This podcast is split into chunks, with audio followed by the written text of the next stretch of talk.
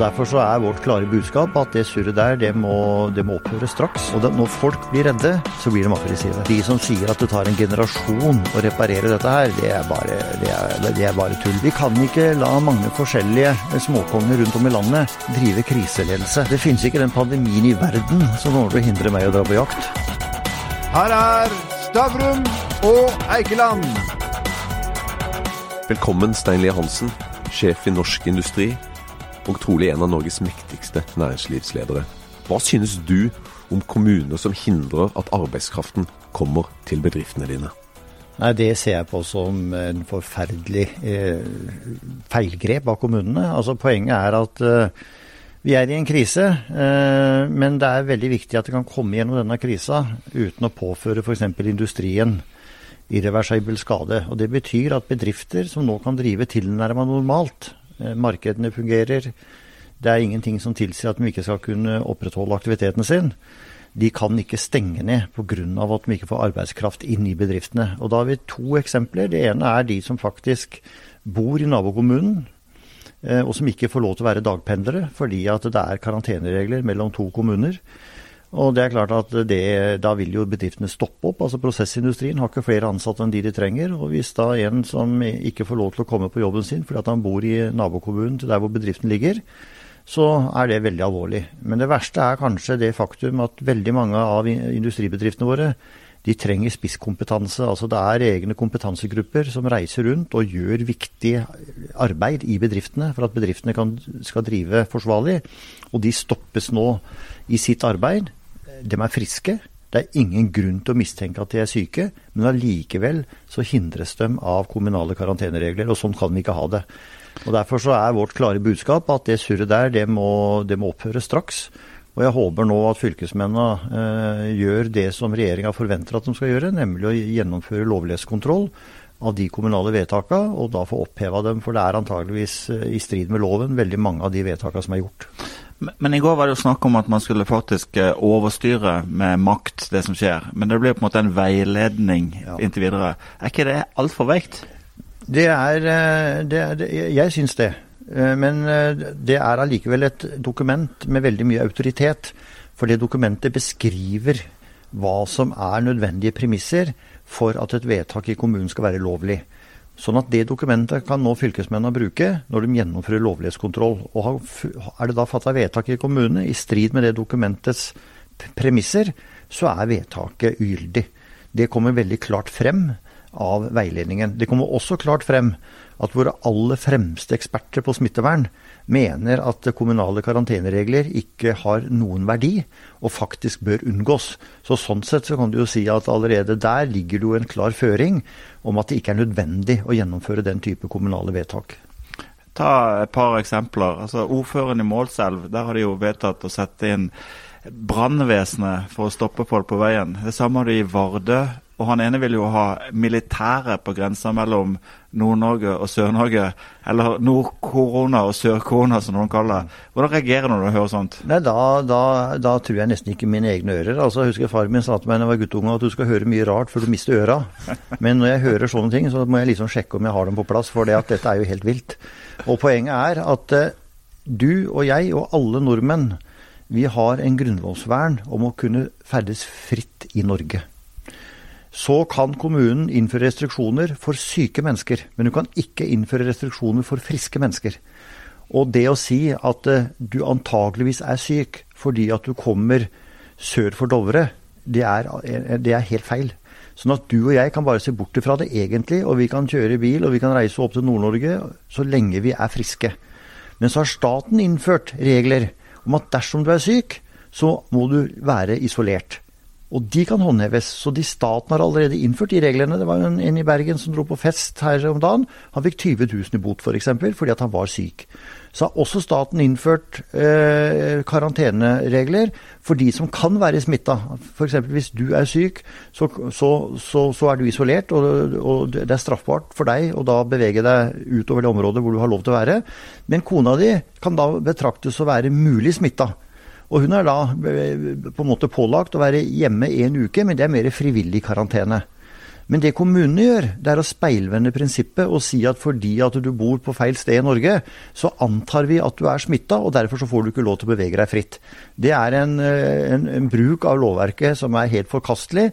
Og det står også i veilederen at det, kan ikke håndheves med makt. Altså verken politi, lensmenn, brannmenn eller Forsvaret kan håndheve den regelen, for det er ikke mulig å bruke makt mot friske mennesker. Men er ikke dette litt sånn eh, Altså I Norge så har vi jo en sterk eh, medbestemmelsesrett. Ja. ikke sant? Og Vi har alltid hatt det, og i demokrati er jo det ja. utgangspunktet bra. Ja. Men er den tiden vi er inne i nå, egentlig at nå må vi droppe silkehanskene? Nå må vi faktisk eh, være litt eh, tøffe? Være litt sånn som man er i utlandet eh, osv.? Jo, men altså når vi er i en krise, så må vi ha én kriseledelse. Vi kan ikke la mange forskjellige småkonger rundt om i landet drive kriseledelse. Når vi virkelig er i en krise som er så stor som den vi er i nå, både økonomisk, eh, på kort og lang sikt, men også smittevernmessig i forhold til å begrense antall syke for ikke å overbelaste helsevesenet, så må vi akseptere at det er én sjef som leder hele det krisearbeidet, og den sjefen, det er regjeringa. Men den har vi ikke i dag? Det, det er, nå er det jo justisministeren som håndterer og koordinerer alle tiltak internt i regjeringa, og den fungerer bra etter mitt syn. Men da må jo folk følge regjeringas råd følge regjeringas veiledning. Og det er der problemene begynner å starte, med at det er altfor mange som obstruerer og skal gjøre ting på egen kjøl som det ikke er faglig dekning for, og som det heller ikke er lovlig dekning for. Men det er jo opposisjonen som har kjørt uh, løpet frem til nå, etter min mening i hvert fall? Ja, altså opposisjonen er jo det, altså Du tenker på, på opposisjonen på Stortinget. Det er klart at de, mange av vedtakene som regjeringa skal iverksette, de må jo godkjennes av Stortinget.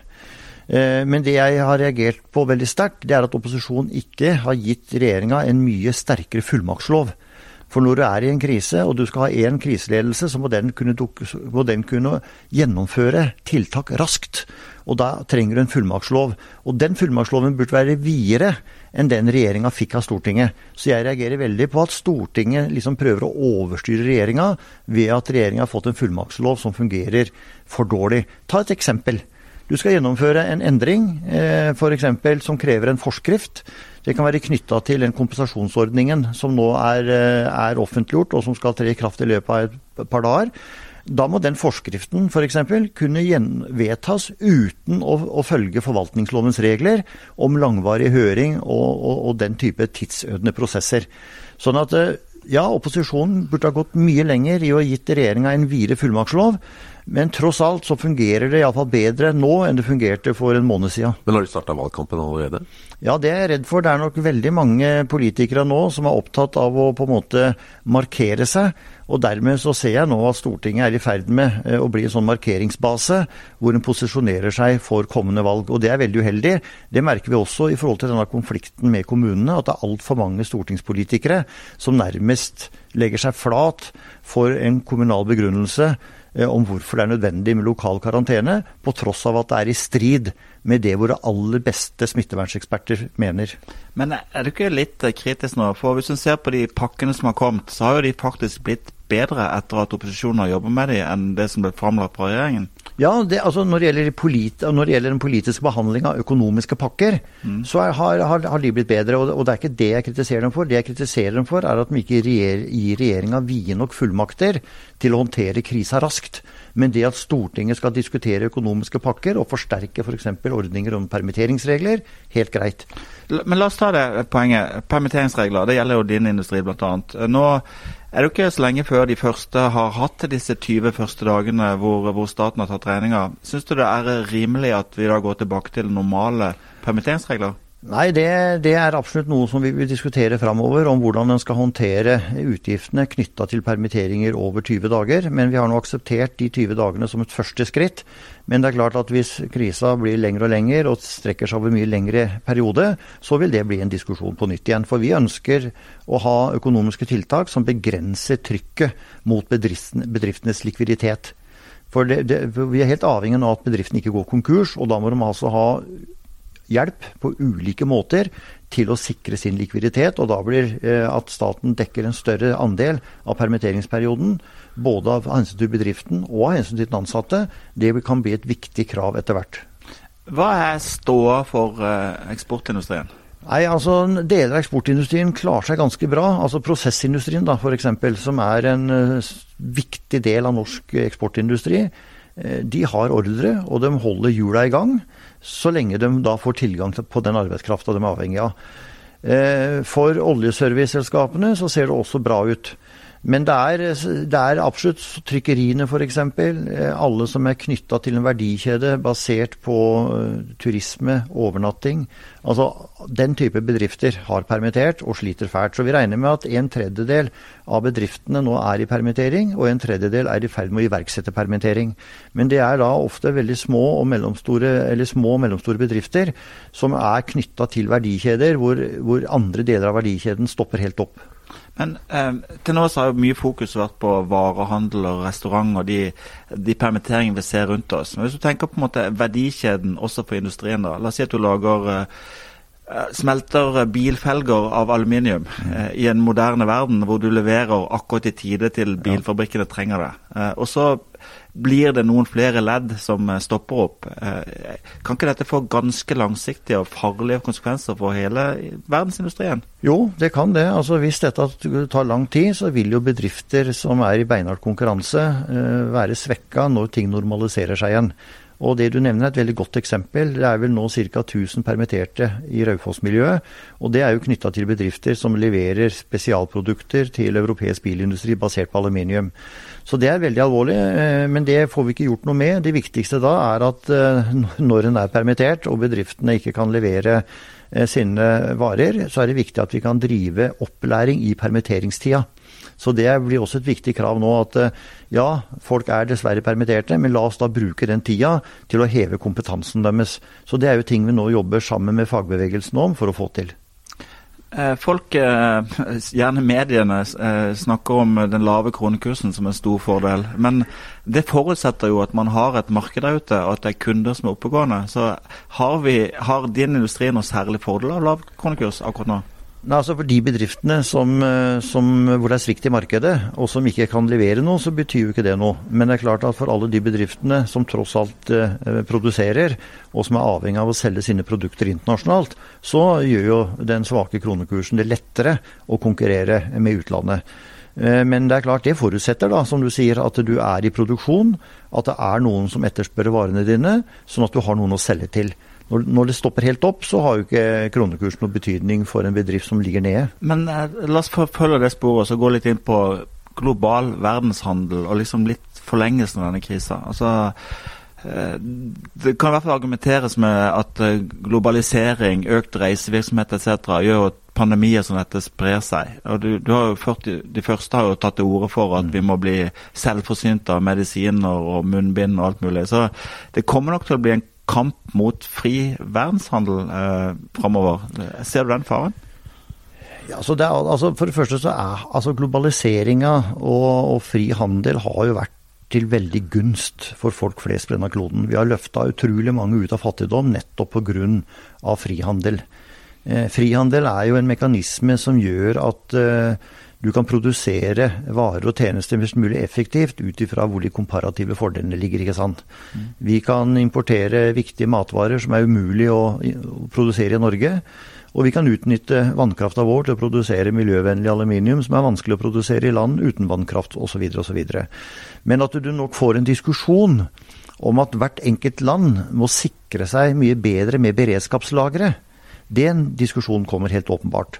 Og det gjelder både å se på om vi har en god nok selvforsyningsgrad f.eks. av mat.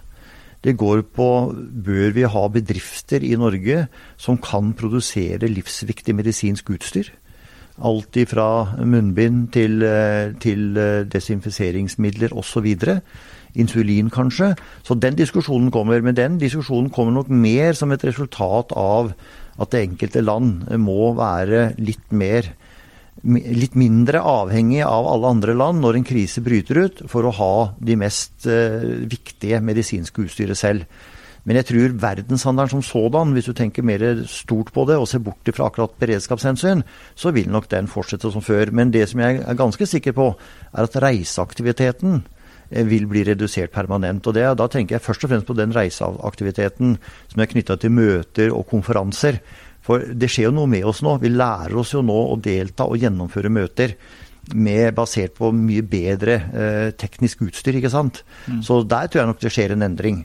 Men jeg er ganske sikker på at eh, håper å si, den naturbaserte turismen, den turismen som er motivert ut ifra å se på spennende natur, komme inn i andre kulturområder, oppsøke områder med spennende mat, den vil ta seg opp igjen. Det er jeg ganske sikker på. Men eh, de første Du kan gå til USAs president eh, ja. og forholdet til Kina. altså det at den, eh, Hele den moderne verden har blitt veldig avhengig av ja. billig import fra Kina. Ja. Og for så vidt også import av pandemi fra Kina. Mm. Den diskusjonen kommer vel opp? Den kommer opp. Og den har jo for så vidt allerede gradvis kommet opp. Nå er den jo veldig satt på spissen da, av Donald Trump, mm. men den var allerede en, et tema under også tidligere presidenter. Mm. Og det går jo på at det er klart at den vestlige verden er nok avhengig av å kunne håndtere en del produksjon uten å være avhengig av Kina. Eh, F.eks. så har Kina skaffa seg veldig kontrollen over mineraler. Viktige mineraler som verden trenger i forhold til ja, forsvarsmateriell, i forhold til alt som har med ja, digitale løsninger å gjøre. Sånn at du får nok en, eh, en diskusjon om at en må klare, klare seg på egen kjøl, og ikke være så avhengig av import fra eh, Kina, spesielt når det da gjelder sånne følsomme varer. Men eh, at Kina, Kina, har kommet for å bli. Vi kan ikke se bort fra Kina. De er effektive, de har høy produksjon, så Kina vil alltid utfordre oss når det gjelder den globale handelsøkonomien. Men, men altså, det er veldig fokus på at uh, når det er en sånn krise som koronakrisen, så, så, får det fram det beste i oss. altså Det er dugnad og alt dette. Men, men får det ikke også frem faktisk det verste i oss mennesker også? Uh, egoisme. altså sånn Du ser kommunene som isolerer seg, du ser land som vil sikre seg medisiner. altså Det er sånn det er ikke bare bra? Det er ikke bare bra overhodet. Og du har et stort poeng der. altså som, eh, som, art så har mennesket en tendens til å gå litt inn i seg sjøl og være mest opptatt av uh, sine nære omgivelser når det kommer en krise. Så du vil møte populisme, du vil møte uh, tiltak for å håndtere krisa som egentlig like mye er motivert ut ifra proteksjonisme. Så jeg også jeg, jeg, ser jo ikke den derre altså jeg, jeg, ser jo at ansatte i helsevesenet Eh, folk som holder eh, vareforsyninga oppe. Altså Det er mange mennesker nå som gjør en kjempeinnsats, og det tar jeg med hatten for. Men det er helt åpenbart at du møter også tilløp til proteksjonisme. Eh, og det gjør du mellom land, og du gjør det i land. Du, sånn at, og EU har jo for så vidt dokumentert over enhver tvil at de ikke klarer å gjennomføre en felles strategi i forhold til denne pandemien. ikke sant? Ulike land har helt ulike strategier. Du har til og med en konflikt på grensa mellom Nederland og Belgia på sånne grensebyer som håndteres etter helt ulikt regelverk. Og noe av det kan være basert på at det er faglig uenighet, men mye av det er også motivert ut ifra det jeg vil omtale som proteksjonisme. Så denne fantastiske dugnaden som på en måte gir inntrykk av at alle er med på en dugnad, det er, en, det er, et glansbilde. Det er ikke riktig. Men viser ikke dette også da at man kanskje burde uh, få et, uh, komme ut av dette med et styrket EU? Altså at uh, behovet for det er helt klart til stede? Altså at vi kanskje burde ta opp EU-debatten igjen i Norge og, og vurdere det? Ja, det, jeg, har, altså, jeg syns jo at det hadde vært logisk, men jeg har ikke noe tro på at det skjer. For allerede nå, så, så, som blir sagt der, så ser du jo sånne proteksjonistiske tendenser. Altså Vi skal klare oss med sjøl, og vi skal bygge opp store beredskapslagre sjøl. Og selv om det er riktig i forhold til en del eh, livs, livs, livsviktig materiell, så er det jo også en proteksjonisme som ligger i bunnen av en sånn argumentasjon. Så jeg, ikke, jeg har ikke noe tro på at denne pandemien fører til noe, noe endring i det norske folks syn på EU-medlemskap. E, e, Men det som det dokumenterer nok en gang, det er hvor viktig EØS-avtalen er. For når EU vedtok å, å, å nekte eksport av eh, legemidler og av eh, sykehusutstyr, så blei jo trailera stoppa på svenskegrensa, for hun trodde da at det også gjaldt eh, forbud mot eksporter til Norge. Men når da UD, norske utenriksdepartementet, kom i dialog med EU, så ble en fort enige om at ja, men Norge er et EØS-land, og derfor skal ikke det eksportforbudet av sykehusutstyr gjelde Norge. Så det viser jo at EØS-avtalen fungerer jo veldig bra for Norge. Nesten som om vi skulle ha vært medlem når det gjelder den type spørsmål. Jeg leste eh, en artikkel i dag om eh, utgangspunktet for denne pestdagen som feires hvert år i Storbritannia, hvor en landsby fikk byllepest. og Det de gjorde, var at de, de, de sperra seg selv inne, mm. eh, og så fikk de tilført mat. Og så døde mange i landsbyen, men smitten spredte seg ikke. Mm. I dag er vel egentlig parallellen at kommuner som ikke har smitte, prøver å bygge en mur rundt kommunen, og så skriker de 'hiv over mat og penger'. ja, altså det er klart at altså, de, de tiltakene som er gjennomført stort sett eh, mot pandemien, det er jo å begrense bevegelsesfriheten. Altså, en, en blir oppfordra å være hjemme. En blir oppfordra om å isolere seg hvis du er smitta. Eh, og den følges jo stort sett. Men, men, men, problemet er at du kan liksom ikke, ikke, stenge kommune etter kommune. For det første så er allerede smitten i de fleste kommuner. Det er store mørketall, for det er få som er testa. Og for det andre så er jo også kommunene helt avhengig av tilførsel av varer, tilførsel av tjenester osv. Tror du at det er den eneste kommune som ikke har smitte i dag i Norge? Det skal jeg ikke uttale meg veldig sikkert om, men jeg tviler på at du finner en kommune hvor det ikke kan være en smitta person. Men, eh, det, det, men, de aller fleste kommuner, og mange av de som har innført kommunale karanteneregler, de, der er det dokumentert at det finnes smitte. Så Derfor så kan ikke dette, de kommunale reglene er, som Folkehelseinstituttet sier, det er ikke begrunna i smittevern. Men det kan være så klart begrunna i at uh, kommunen har få ressurser. De har ikke helsetjenester til å håndtere uh, mange syke innflyttere. Men da snakker vi jo mer om den diskusjonen som du har med dette med hytteturister. Det er klart at små kommuner som kan få nesten dobla antall mennesker inn i kommunen sin hvis alle hyttene blir tatt i bruk, de har jo så klart liten kapasitet til å håndtere sykdomsutbrudd, fordi at de, de har ikke verken ambulanser eller en helsetjeneste som kan behandle syke mennesker av den typen vi nå prater om.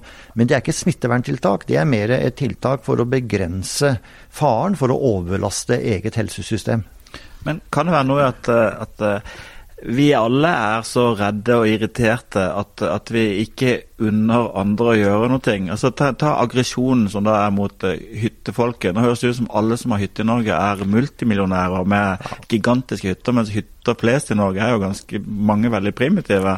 Ikke rikfolk. folk. folk hater, hater joggere. altså nærmest alle skal få litt aggresjoner. Men det er den frykten. Altså det er, og det er det jeg er redd for uh, i, i, i, denne diskusjonen rundt pandemien. At det skapes en frykt uh, langt utover det som er logisk. Og det, når folk blir redde, så blir de aggressive. Så hvis du skaper et inntrykk av at hvis det kommer hyttefolk til min lille kommune, så øker sannsynligheten for at min familie blir smitta. Og da reagerer du med aggresjon. Det var ikke mange måneder siden jeg var ute og advarte mot denne voldsomme Eh, utbygginga av fritidseiendommer i Norge. Ut ifra et sånt økologisk perspektiv om at vi bygger ned veldig mye viktig natur. De som var mest forbanna på meg da, det var nettopp kommunene. Som jo nettopp argumenterte for at vi må legge til rette for hyttebygging. Og det er jo ikke hytter vi prater om, vi snakker om fritidsboliger. Store områder som blir regulert akkurat som et boligfelt. Med bygninger som er langt bedre utstyrt enn det som folk flest har bodd i på 70- og 80-tallet. Men da var det kommunene som nettopp reagerte på mitt engasjement. fordi at ja, det, vi lever av dem. Vi er helt avhengig av at folk vil bygge fritidseiendommer. Det gir masse arbeid til snekkere, alle typer håndverkere. Det gir masse, masse serviceoppdrag, brøyting, vaktmestertjenester osv. osv. Men nå er det snudd trill rundt, og det er da basert på den frykten, nemlig at det skal komme hyttefolk inn i min kommune som smitter min familie, og som overbelaster mitt helsevesen. Og da kommer frykten, og da kommer egoismen som en konsekvens av frykten.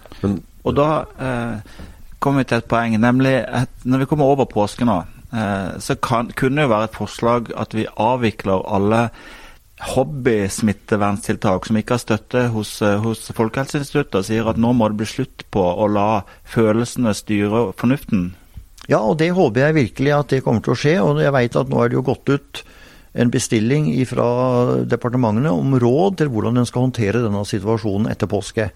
Og vi veit jo at Folkehelseinstituttet og ekspertene der, som er de fremste i verden, og som får tilførsel av kompetanse hele tida gjennom den enorme forskninga som nå skjer i nesten alle land, og hvor det utveksles erfaringer mellom eksperter.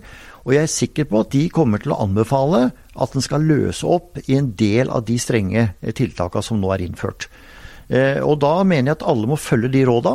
Regjeringa må følge de råda, og kommunene må følge de råda, og næringslivet må følge de råda. For hvis vi ikke gjør det, så, så, så, så gjennomfører vi tiltak som ikke begrenser smitten, men som påfører samfunnet en rekke andre kostnader. Og det er det som er det tragiske oppi den situasjonen som vi nå har sett tendenser til. Det vi snakker litt om nå, det er jo mye innenlandsøkonomien som vi kan faktisk påvirke direkte. Ja. Eh, Men uten din næring, altså eksportindustrien, altså det er den som har gjort at vi kan ha det så godt i Norge. Altså Uten den så kunne vi ikke gjort det. Nei. Det er helt klin umulig. Og veldig mange av dine bedrifter som er påvirket nå, de vil være påvirket også i mye lengre tid enn innenlandsøkonomien. Det er ikke noe tvil om at ute så har det ikke kommet så langt, og det er, de blir tatt kraftigere og osv. Hvilke tiltak er det som er viktigst på lang sikt for dine medlemmer? Ja, det, og det, det jobber vi nå mye med. Men det er at regjeringa må nå gjøre i stand gryteklare prosjekter som gjør at storindustrien får viktige ting å jobbe med så fort ting begynner å normalisere seg. Karbonfangst og -lagring, ett eksempel. Havvindparker, flytende havvindparker, ett eksempel. Altså Dette er eksempler på teknologier vi uansett trenger. Det er teknologier som verden trenger, og dem kan vi nå forsere utbygging av i Norge for å demonstrere at vi er best i det. Da vil det gi oss en flying start i forhold til en situasjon som etter hvert normaliseres. Så vi jobber nå med en lang liste over viktigheten Altså om, om, om tiltak som staten nå raskt må gjøre gryteferdig, sånn at, sånn at vi kan iverksette mye arbeid så fort som mulig. Det vil være til veldig hjelp for industrien. Både eh, den store teknologiindustrien og hele den verdikjeden som er knytta til det, f.eks. i det maritime miljøet. Så sånne ting jobber vi med. Og så må vi så klart, og det, er veldig viktig, for det, det jeg ser Et land som Tyskland f.eks som har veldig mye industri som konkurrerer med norsk industri, der pøses det milliarder på milliarder inn i tysk industri fra staten for å hjelpe den industrien til å forsterke sin konkurranseevne når ting blir normalt. Og sånn må vi også tenke i Norge. Men for oss er det mye viktigere da at vi, får, forserer et arbeid som uansett skal gjøres, ved at staten nå bruker denne krisetida til å fatte vedtak, sånn at vi kan starte den dagen vi knipser med fingra. Og her er det en rekke tiltak vi egentlig prater om, som er knytta til å ivareta industriens muligheter til å komme raskt i gang igjen og demonstrere at vi er best innenfor viktige teknologiske områder. Det du sier er jo egentlig da at eh, hvis vi har bestemt oss for å bygge ut havvind, Ja. eh, og så har vi egentlig stabla det at vi skal gjøre så og så mye en del år framover, så er det med den tiden vi kommer inn i nå, så gjelder det å på en måte gjøre ting fort. Yes. Sette det i gang. Sette det i gang. Hva med store veiprosjekter? Akkurat det samme der. Eh, Vi må tenke sånn motsyklisk politikk at det som vi uansett skulle ha gjort, det gjør vi nå for å holde hjula i gang. Det blir ikke lett å argumentere mot riving av Y-blokker.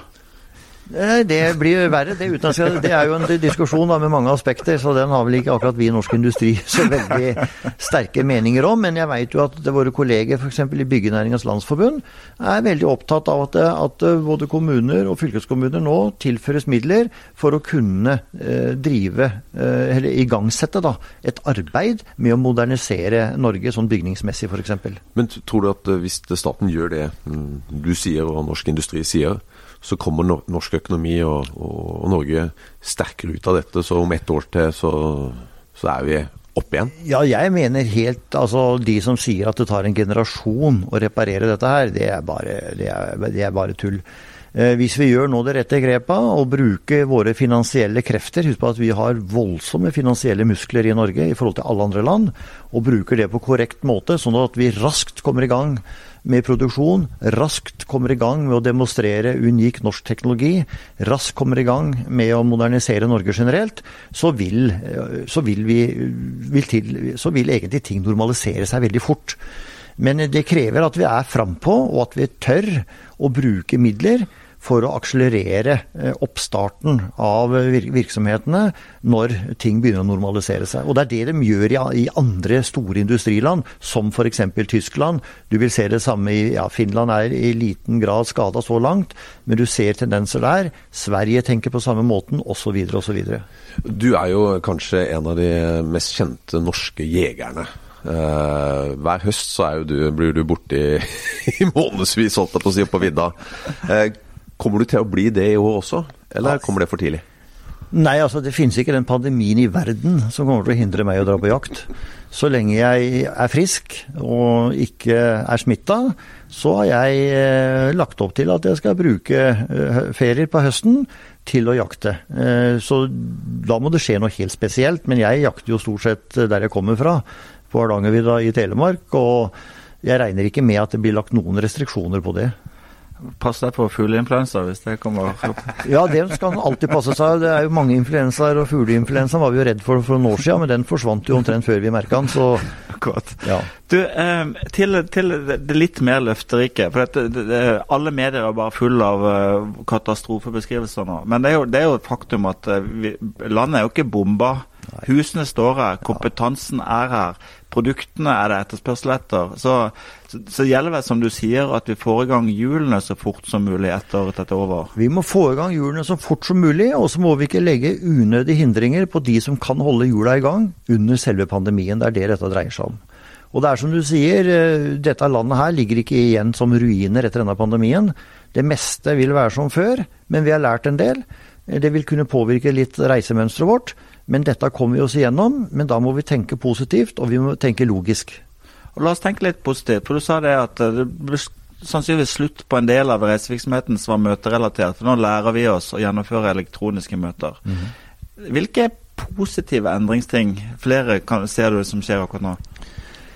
Det, det, det, det, det, det du tok nå, tror jeg er det aller viktigste. Eh, og det er positivt eh, av hensyn til vår egen tidsbruk, og det er positivt i forhold til klima f.eks. Så det tror jeg nok det er det aller viktigste. Men jeg tror noe annet som også er positivt, det er at eh, jeg tror vi kommer til å lære av denne katastrofen. Jeg tror vi kommer til å bli bedre på krisehåndtering neste gang. Jeg tror vi kommer til å være bedre forberedt på den type kriser i framtida. Det er kanskje det aller mest positive.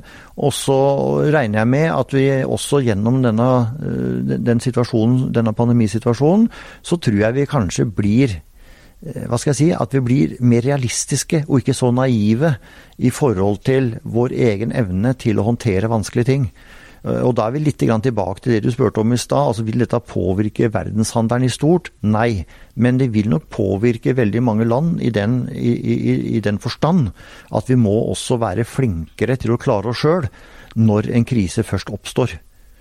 Men jeg syns jeg ser på en måte en tendens i økonomien til at den er tilpasningsdyktig. Du ser Ja. de første restaurantene som nå satser på takeaway-mat. Du Ja. ser butikker som holder åpent. Altså, de omstillingsflinke de klarer seg jo eh, alltid bedre enn de som ikke evner å omstille seg. Helt, helt klart, og du ser som altså Kreativiteten øker jo for hver dag.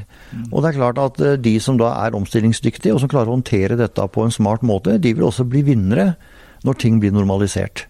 Så vi vil jo nå veldig fort kunne se hva, hva er den svake og irrasjonelle, irrasjonelle måten å drive business på, og, og hva, hva, er, hva er motsatsen? Altså Vi vil lære av, av denne krisa i forhold til hvordan du framover kan drive på en mer effektiv, mer produktiv, en smartere måte, rett og slett. Så det, at det kommer noe godt ut av det, helt utvilsomt. Og så er jo dette nytt for, for hele verden, egentlig det som skjer nå. Eh, og Man kan også se til Sverige, som har jo kjørt en litt annen strategi enn oss. Litt mer bedriftsvennlig strategi. Så man kan jo kanskje håpe på at, eh, at, det, at den funker best.